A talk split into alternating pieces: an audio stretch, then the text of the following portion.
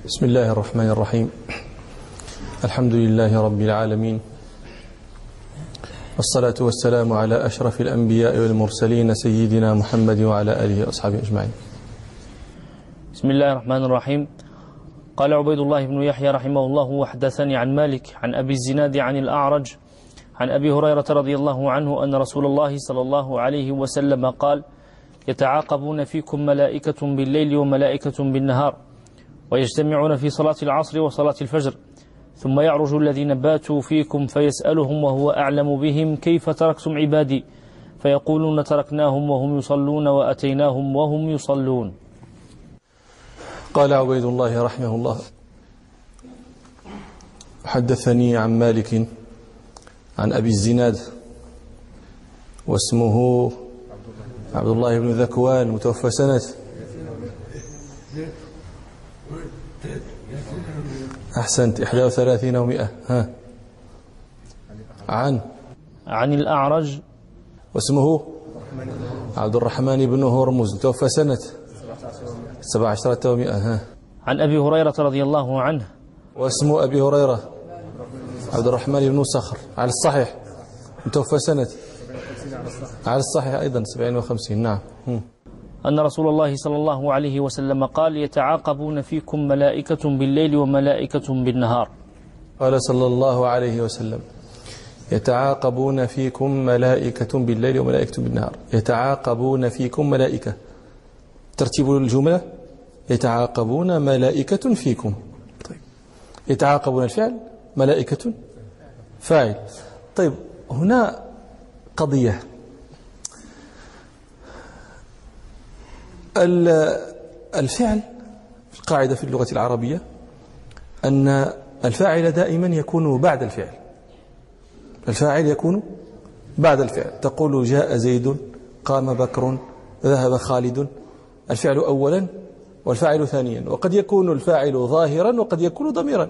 يقول ابن مالك رحمه الله وبعد فعل فاعل. وبعد فعل فاعل. فإن ظهر فهو فإن ظهر فبها ونعمت. قام زيد جاء بكر. ظاهر الفاعل. وإلا وإلا يعني إذا لم يظهر فضمير استتر.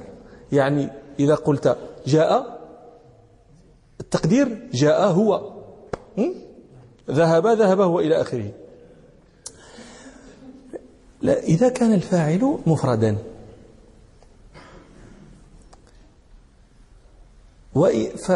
فإن بناء الفعل منه يكون مفردا. جاء زيد. ذهب بكر. الفاعل مفرد. زيد. الفعل مبني للمفرد أيضا. ذهب زيد. جاء بكر. وإذا كان الفاعل مثنى أو جمعا فكذلك. أنتم تقولون جاء زيد. فإذا كان اثنين كيف تقول؟ جاء الزيداني كما قلت جاء زيد الفعل لم يتغير بناؤه عن المفرد. كما قلت جاء زيد تقول جاء الزيداني وتقول جاء الزيدون. وكما تقول يجيء زيد تقول يجيء الزيداني تغير الفعل عن بنائه في المفرد. لم يتغير. يجيء الزيدون تغير. تقول جاءت هند وجاءت الهندان وجاءت الهندات. وتجيء هند وتجيء الهندان وتجيء الهندات كل هذا لا يتغير فيه الفعل. إذا كان الفعل إذا كان الفعل مسندا إلى مفرد أو إلى مثنى أو إلى جمع فهو لا يتغير بناؤه. مفهوم؟ وهذه هي اللغة الفصحى. يقول ربنا سبحانه وقال الظالمون إن تتبعون إلا رجل مسحورا. وقال الظالمون واضح؟ قال ربنا سبحانه قال رجلان من الذين يخافون. رجلان ولكن قال قال كما لو قال قال رجل. قال ربنا سبحانه وقال نسوة في المدينة امرأة العزيز. ها؟ وقال نسوة. واضح هذا الكلام. طيب. قلنا هذه هي اللغة الفصحى. وإلى هذا يشير ابن مالك رحمه الله بقوله وجرد الفعل إذا ما أسند لاثنين أو جمعين. جرده من ماذا؟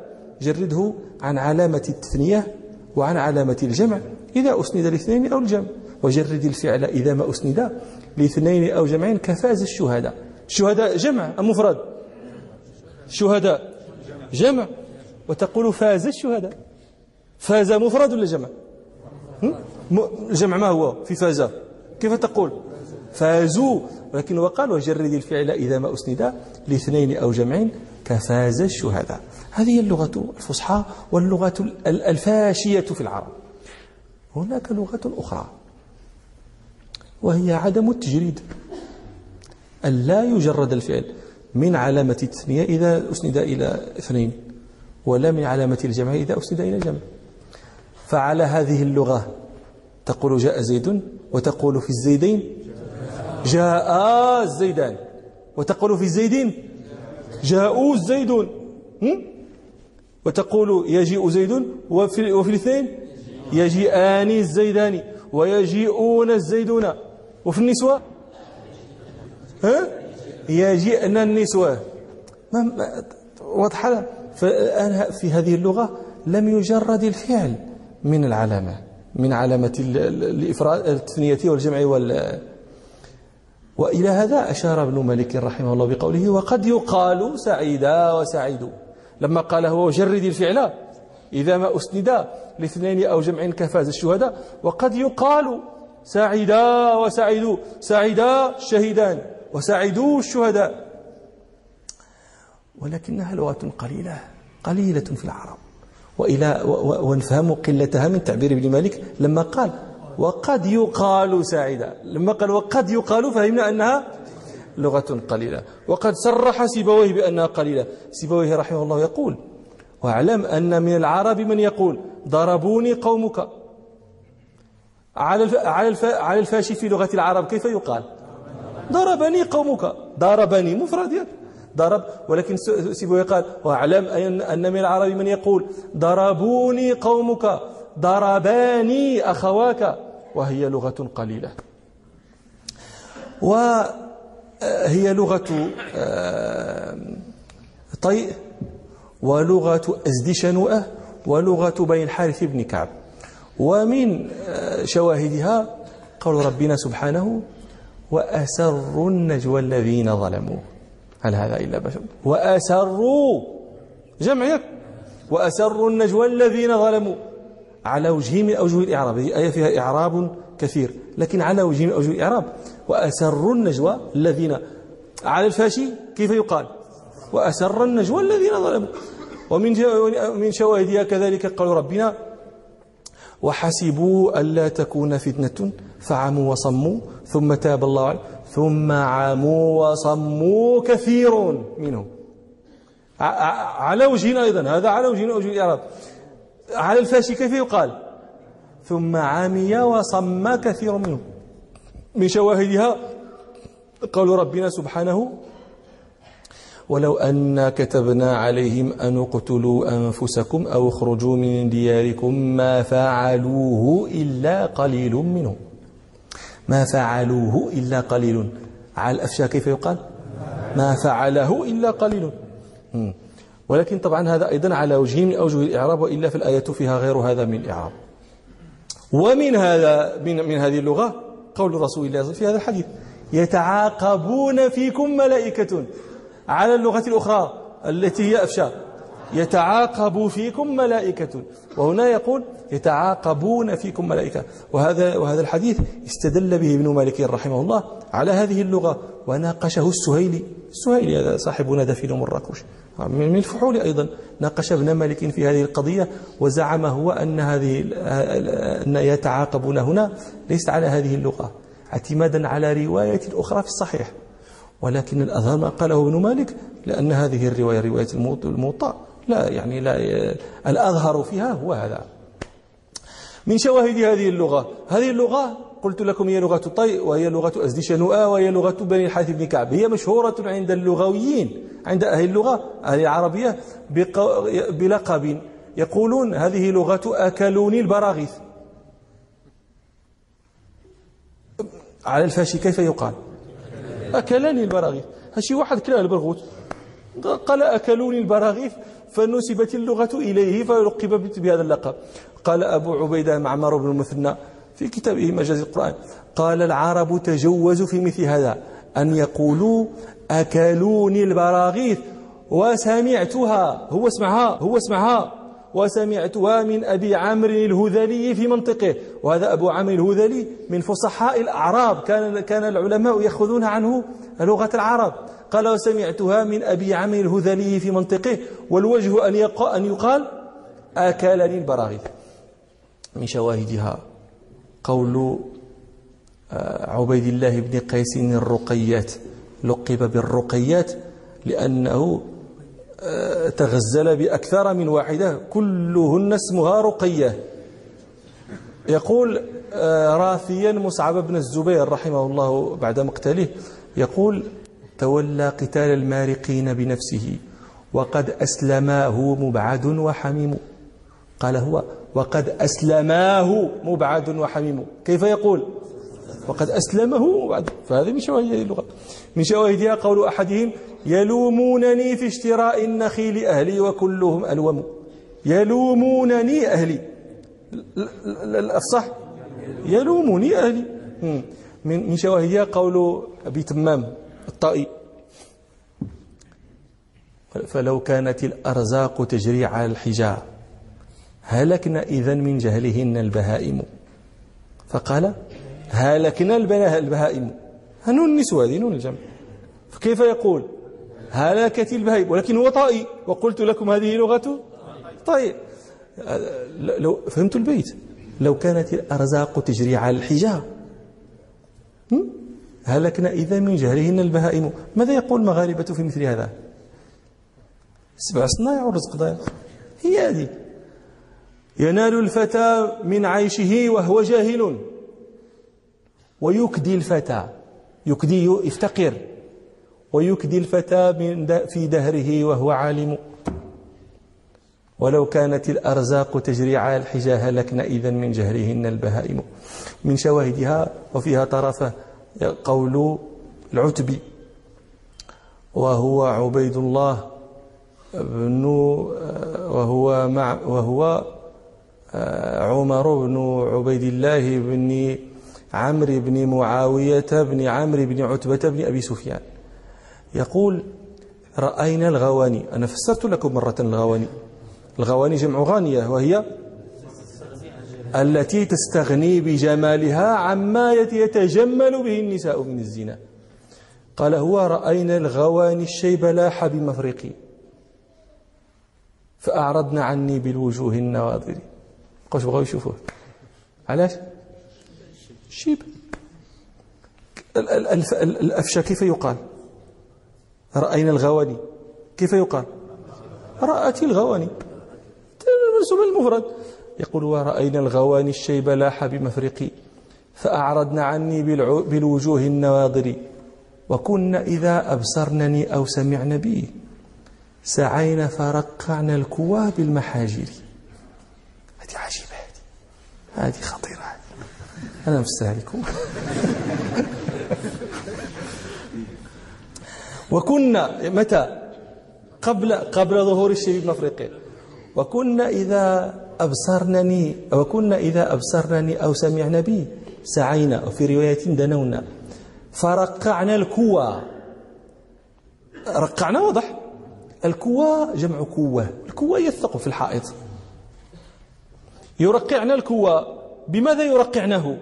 بالمحاجر ما المحاجر هي هذه هي هذه. يرقعنا الثقب في الحيط باش. هاك. يعني؟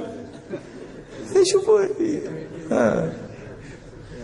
وكنا إذا أبصرني أو سمعنا بي سعينا فرقعنا الكوى بالمحاجر لئن حجبت عني نواظر أعين رمينا بأحداق المها والجآذر فإني من قوم كريم نجارهم. يعني لما فاته الجمال ولما فاته الشباب باقي السؤدد. فإني من قوم كرام كريم نجارهم. لأقدامهم صيغت رؤوس المنابر. خلائف في الإسلام في الكفر قادة. في الجاهلية هم قادة وفي الإسلام هم هم الخلائف. خلائف في الإسلام في الكفر قادة بهم وإليهم فخر كل مفاخر يذكرون أن رجلا أشمط. الأشمط هو الذي كثير شع... ش... بياض شعره ولكن يخالطه سواد. هذا يقولون هو أشمط والمرأة شمطاء. رجل أشمط على دابته. رأى امرأة عجيبة الجمال. فقال يا هذه. إن كان لك زوج فبارك الله لك فيه وإلا فأعلمينا. فقالت له كأنك تخطبني. قال نعم.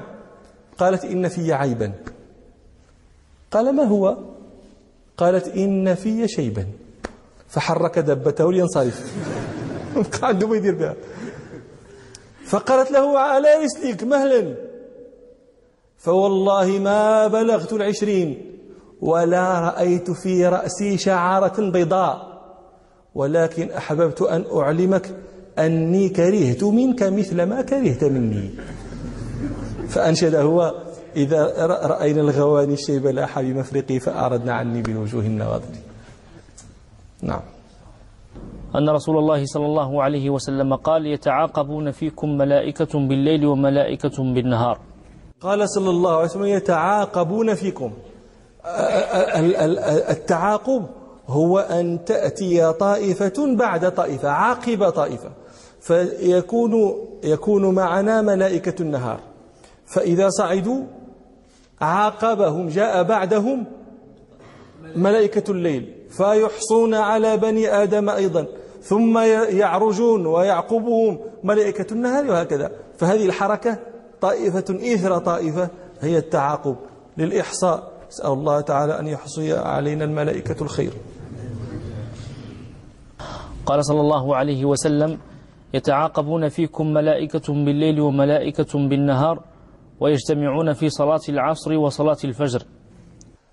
هذا الحديث فيه علامة عظيمة أمارة عظيمة جدا جدا على عدل ربنا سبحانه الذي لا نظير له. لو شاء الله سبحانه وهو العليم الخبير لم يقرن بعباده ملائكة تحصي عليهم أعمالهم. لا يفيد ذلك ربنا علما. علمه محيط شامل متخلل لطيف. لا يخفى عليه شيء من أمور عباده. سيان عنده سرهم وعلانيتهم. بل يعلم ما هو أخص من ذلك. يقول ربنا سبحانه وإن تجهر بالقول فإنه يعلم السر وأخفى. وأخفى أي وأخفى منه. وأخفى منه وأخفى من السر. ما هذا؟ يعلم السر. السر ما حدثت به نفسك ولم يطلع عليه غيرك. أنت تعلمه ولا يعلمه سواك. هذا ربنا يعلمه. فما الذي هو أخفى من السر؟ وهل يكون شيء أخفى من السر؟ والسر هذا يخفى عن كل أحد. لا تعلمه إلا أنت. فما هو الأخفى من السر؟ هو الذي لا تعلمه أنت. مما ستحدث به نفسك. ولست تعلمه الآن وربك يعلمه. السر وأخفى ومع هذا العلم. المحيط الشامل الذي لا يتطرق إليه خلل ولا يدنو منه وهم ولا يعتريه شك.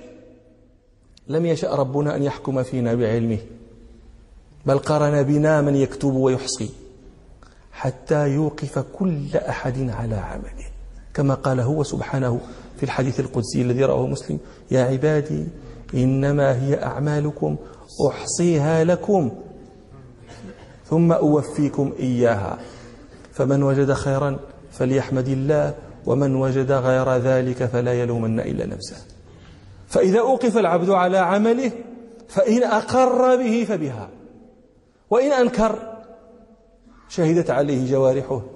كما يقول ربنا سبحانه يوم تشهد عليهم ألسنتهم وأيديهم وأرجلهم بما كانوا يعملون.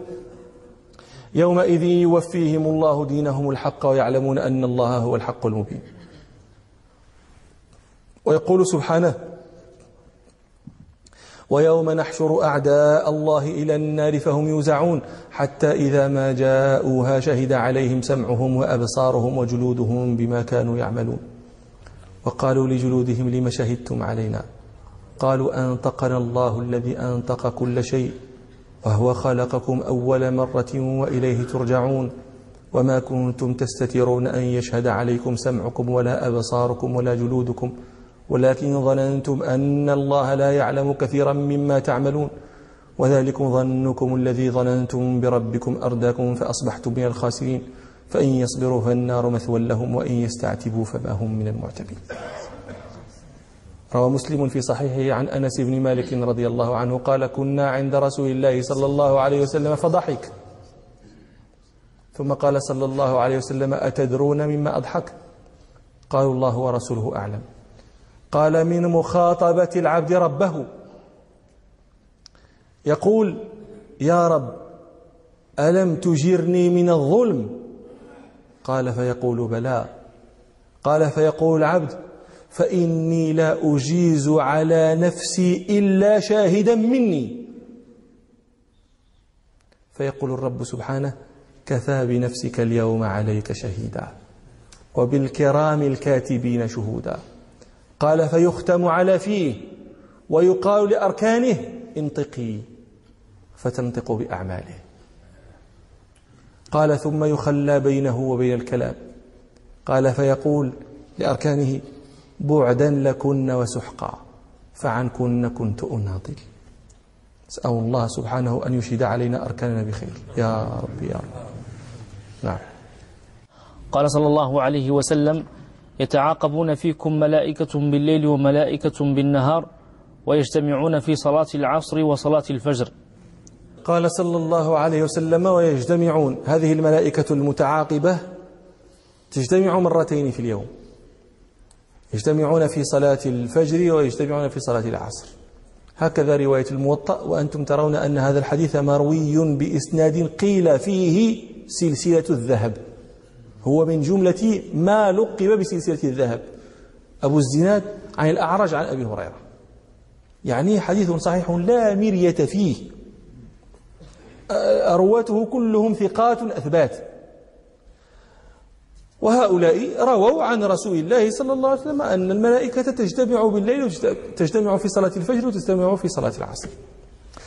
ذهبت طائفة من العلماء أن الاجتماع في صلاة العصر وهم. وأن الملائكة تجتمع في صلاة الفجر فقط ولا تجتمع في صلاة العصر. ومن روى أنها تجتمع في صلاة العصر فقد وهم. وهؤلاء نظروا إلى رواية في الصحيحين لهذا الحديث. وفيها أنه صلى الله عليه وسلم قال صلاة تفضل صلاة الجمع صلاة أحدكم وحده بخمسة وعشرين جزءا وتجتمع ملائكة الليل وملائكة النهار في صلاة الفجر. ثم يقول أبو هريرة اقرأوا إن شئتم إن قرآن الفجر كان مشهودا. وفي الترمذي عن أبي هريرة رضي الله عنه أن رسول الله صلى الله عليه وسلم قال في هذه الآية إن قرآن الفجر كان مشهودا. قال صلى الله عليه وسلم تشهده ملائكة الليل وملائكة النهار. فالآية والحديث في الصحيحين أثبت الاجتماع في صلاة الفجر فقط. ولذلك قال هؤلاء إن ذكر الاجتماع في صلاة العصر وهم. وهذا الذي قالوه هذه هؤلاء على لغة أكل البراغيث هذه قالوه هؤلاء. فيه نظر ظاهر أيضا. آه لأن رواية الموطأ لم تعارض رواية الصحيحين لم تعارض القرآن. القرآن ورواية الصحيحين أثبتت اجتماعا في الفجر. هل رواية الموطأ نفته؟ لم تنفه. أثبتته أيضا. أثبتت رواية الموطأ ما أثبته القرآن وما أثبتته رواية الصحيحين. وزادت عليه. زادت عليه اجتماعا آخر. فلا تعارض أصلا. والجمع أولى من توهيم ثقة بلا دليل لأنه إذا قالوا هذا وهم هذا توهيم لثقة بلا دليل عليه ولا ملجئ إليه. نعم. قال صلى الله عليه وسلم يتعاقبون فيكم ملائكة بالليل وملائكة بالنهار ويجتمعون في صلاة العصر وصلاة الفجر ثم يعرج الذين باتوا فيكم فيسألهم وهو أعلم بهم كيف تركتم عبادي؟ ثم يعرج الذين باتوا يعرج يصعد العروج الصعود. قال صلى الله عليه وسلم ثم يعرج الذين باتوا فيكم فيسألهم وهو أعلم بهم كيف تركتم عبادي؟ هذا قال رسول الله صلى الله عليه وسلم فيسألهم وهو أعلم بهم. وهو أي الله سبحانه وتعالى أعلم من الملائكة بهؤلاء المسؤول عنهم. قال فيسألهم. هذا ليس سؤال استخبار. ربنا لا يستخبر لا يستعلم الملائكة عن حال عباده وكيف تركوهم. هو أعلم بعباده من هؤلاء الملائكة الذين كانوا معهم وشهدوا عليهم. لكن هذا السؤال جاء والله أعلم لحكمة. ذلك أن الرب سبحانه لما خلق آدم وقال للملائكة إني جاعل في الأرض خليفة ماذا قالت الملائكة؟ قالوا أتجعل فيها من يفسد فيها ويسفك الدماء. يعني هذا الذي تجعله خليفة إنما سيفسد في الأرض وسيسفك الدماء. فأراد ربنا بسؤاله هذا إياهم والله سبحانه وتعالى أعلم بمراده. أراد أن يبين لهم الحكمة من خلق هذا النوع الإنساني وأن يبين لهم خطأ ظنهم أن هذا الإنسان لن يحصل منه إلا إفساد في الأرض وسفك للدماء. وأراد أن يبين لهم سبحانه أنه يعلم ما لا يعلمون كما قال قال إني أعلم ما لا تعلمون. فبين لهم أن أن أتيتم وهم يصلون أتيتهم أتيتموهم وهم يصلون وتركتموهم وهم يصلون.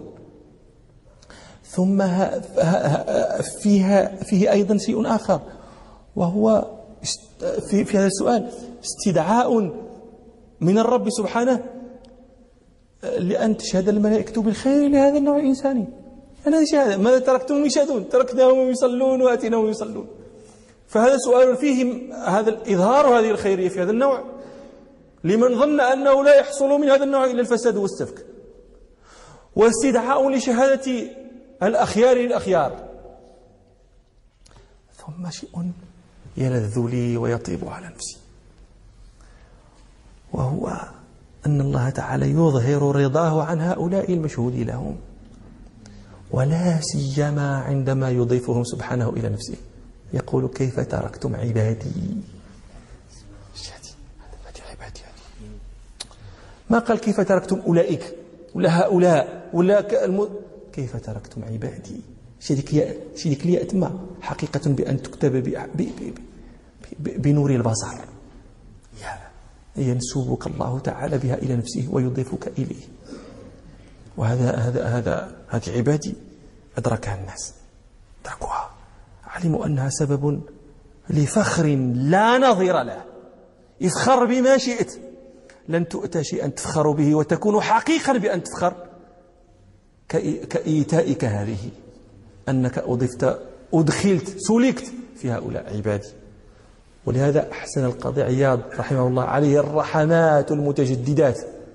لما قال ومما زادني شرفا وعزا. وكدت بأخمصي أطأ الثريا. الأخمص باطن القدم أسفل الرجل هذا هو الأخمص.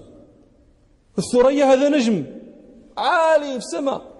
كاد هو بأخمصه بأسفل رجله يطأ الثريا. ومما زادني شرفا وتيها. وكدت بأخمصي أطأ الثريا. دخولي تحت قولك يا عبادي. دخولي تحت قولك يا عبادي وأن صيرت أحمد لي نبيا. صلى الله عليه وسلم. وقد أحسن ما شاء. ذاك الذي خمس هذين البيتين. فقال إذا كان السماح إليك يعزى. فحاشا بالذي قربت أجزى. وذا فقري إليك أراه كنزا. ومما زادني شرفا وعزا. وكدت بأخمصي أطأ الثريا. على مأمول رحمتك اعتمادي.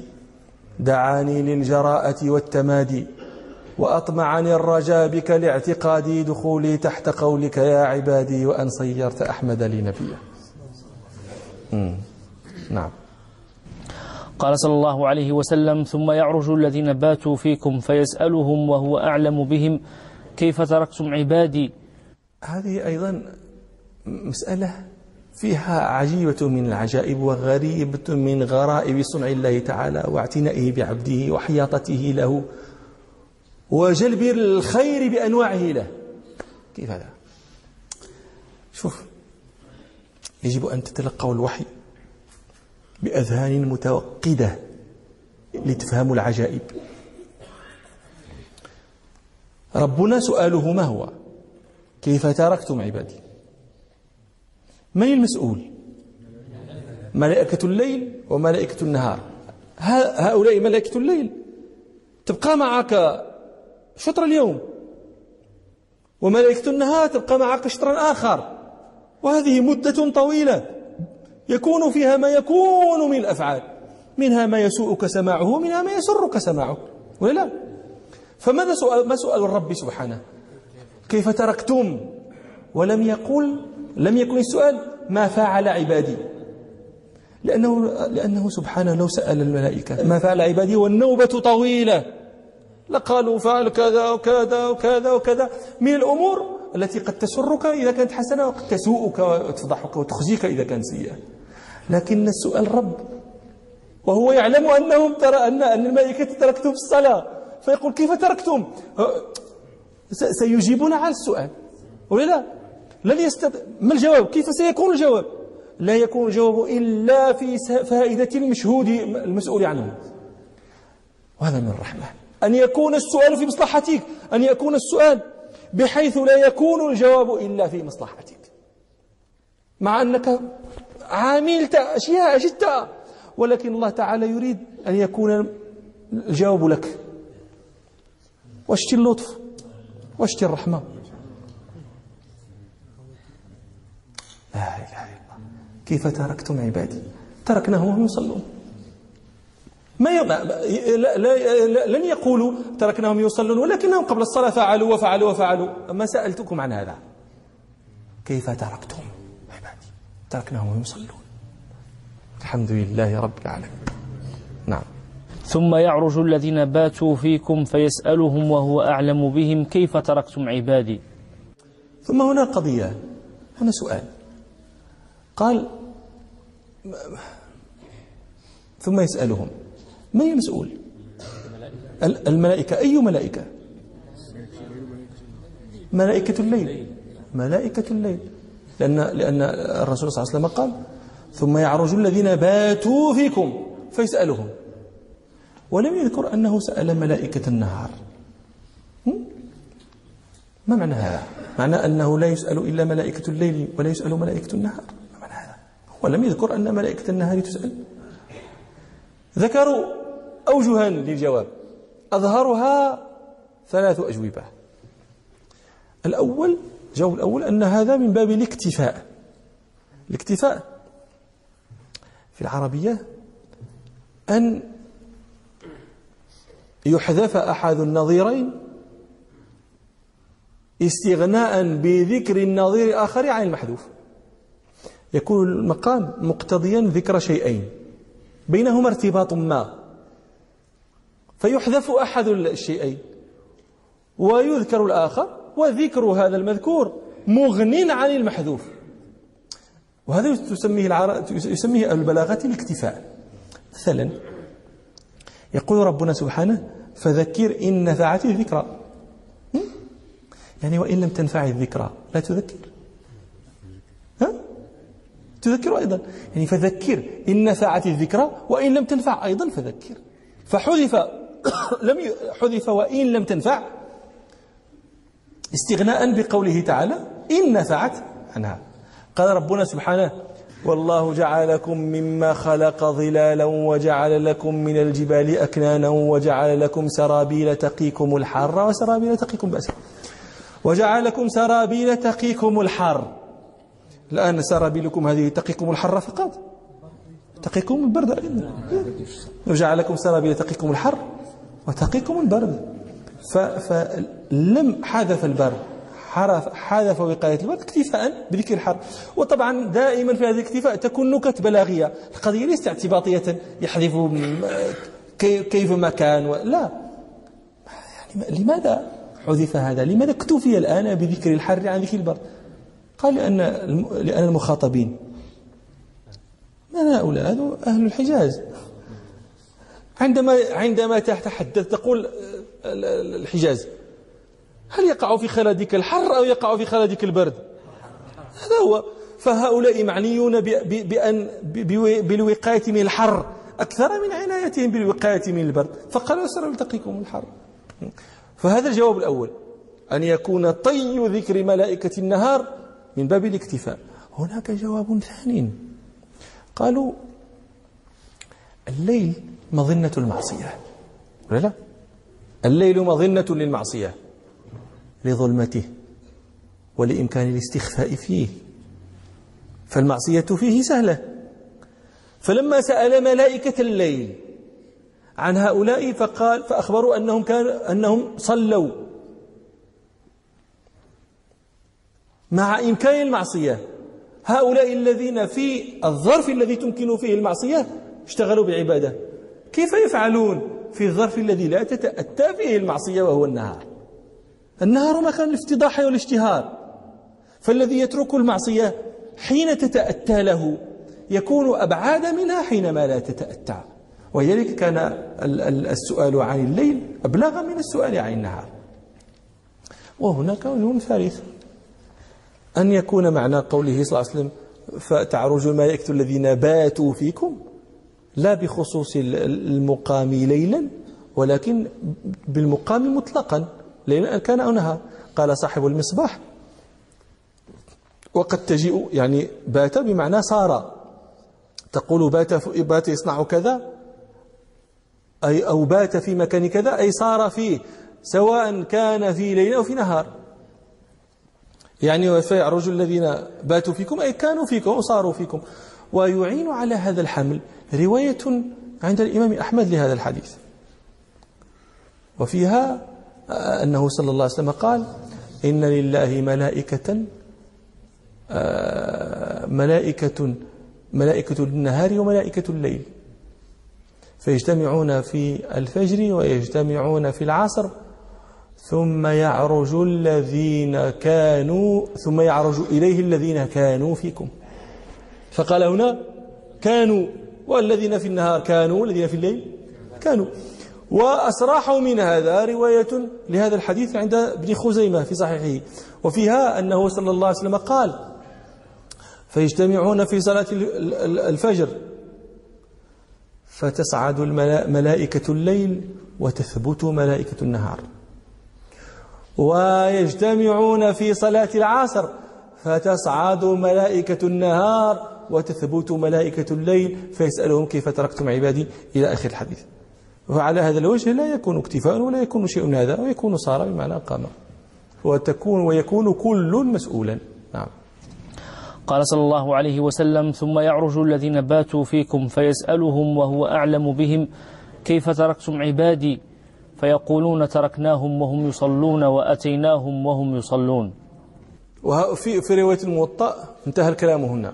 تركناهم وهم يصلون وأتيناهم وهم يصلون وقدموا الترك قبل الإتيان. ما قالوا أتيناهم وهم يصلون وتركناهم؟ إنما قدموا الترك لموافقة السؤال. لأن الله سبحانه وتعالى قال لهم كيف تركتم؟ تركناهم وهم يصلون وأتيناهم وهم يصلون. وفي رواية عند ابن خزيمة زيادة أنهم لما قالوا تركناهم وهم يصلون وأتيناهم وهم يصلون فاغفر لهم يوم الدين. فأجابوا بأكثر مما سئلوا عنه. لماذا؟ لأنهم فهموا أنها أن في هذا السؤال استدعاء لشهادة خير ولدعاء خير. فامتثلوا وقالوا فاغفر لهم يوم الدين. نعم. قال عبيد الله بن يحيى رحمه الله وحدثني عن مالك عن هشام بن عروة عن أبيه عن عائشة زوج النبي صلى الله عليه وسلم أن رسول الله صلى الله عليه وسلم قال مروا أبا بكر فليصلي للناس. فقالت عائشة إن أبا بكر يا رسول الله إذا قام في مقامك لم يسمع الناس من البكاء فمر عمر فليصلي للناس. قال مروا أبا بكر فليصلي للناس. قالت عائشة فقلت لحفصة قولي له إن أبا بكر إذا قام في مقامك لم يسمع الناس من البكاء فمر عمر فليصلي للناس. ففعلت حفصة. فقال رسول الله صلى الله عليه وسلم إن كن لأنتن صواحب يوسف. مروا أبا بكر فليصلي للناس. فقالت حفصة لعائشة ما كنت لأصيب منك خيرا. قال عبيد الله رحمه الله وحدثني عن مالك عن هشام بن عروة متوفى سنة خمسين وأربعين ومئة عن أبيه عروة بن الزبير توفى سنة أربعين وتسعين عن عائشة رضي الله عنها المتوفى سنة سبعين وخمسين. أن رسول الله صلى الله عليه وسلم قال مروا أبا بكر فليصلي للناس. قال صلى الله عليه وسلم مروا أبا بكر فليصلي للناس. مروا؟ ما مروا هذا؟ أمر. فعل أمر من؟ من أمر. فعل أمر من أمر. وهذا الفعل وهذا الفعل هذا من جملة أفعال ثلاثة شذت عن قاعدة الأمر. نذكرها إن شاء الله في مجلس آخر. سبحانك اللهم وبحمدك أشهد أن لا إله إلا أنت أستغفرك وأتوب إليك والحمد لله رب العالمين.